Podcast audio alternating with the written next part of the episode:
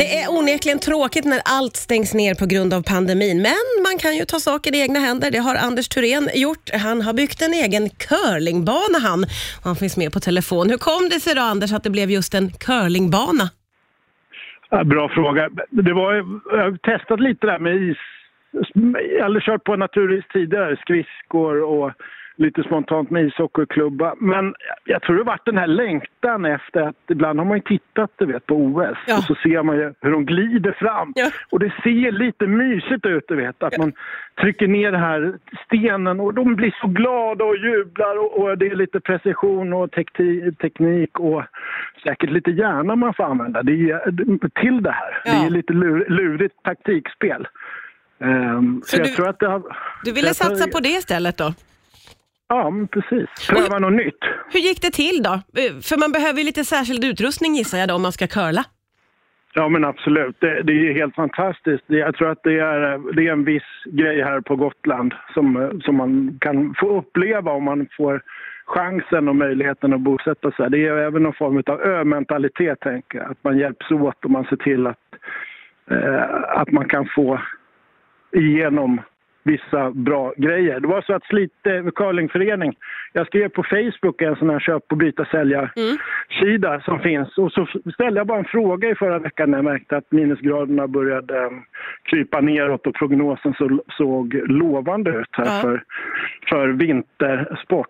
Eh, att, eh, ja, men jag frågade, ställde en fråga och det är om just curling. Och då fick, du, då fick du hjälp helt enkelt. Hur har intresset varit då kring det här skulle du säga? Nej, men det är, jag blir överväldigande och rörd framför allt också att man tänker sig att man gör en grej. Vi hade jätteroligt i helgen, jag och min familj. Vi spelade lite och ungarna åkte lite skridskor och sånt där. Ja.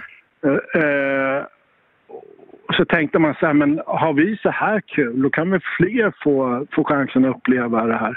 Och sen så visar det sig att det här är också en rent historiskt gotländsk idrottshistoria är man ju med och skapar här eftersom man, man gör den enda någonsin då curlingbanan utomhus. Ja, vad häftigt. Och du, eh, du vill också samla in pengar till välgörenhet i samband med det här vad jag har förstått?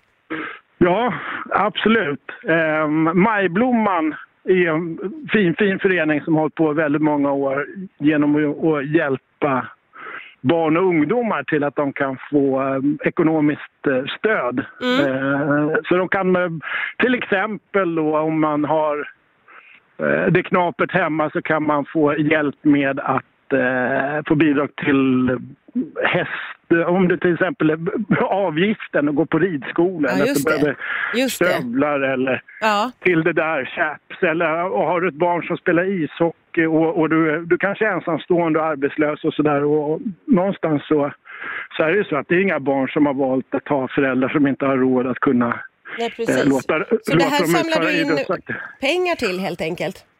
Ja, på söndag har jag gjort en sån välgörenhetsgrej Ja. till det här. Så att det, är, det finns fyra eh, tillfällen där med lite mellanrum så man kan fixa i ordning isen. Eh, som man kan vara med och bjuda på.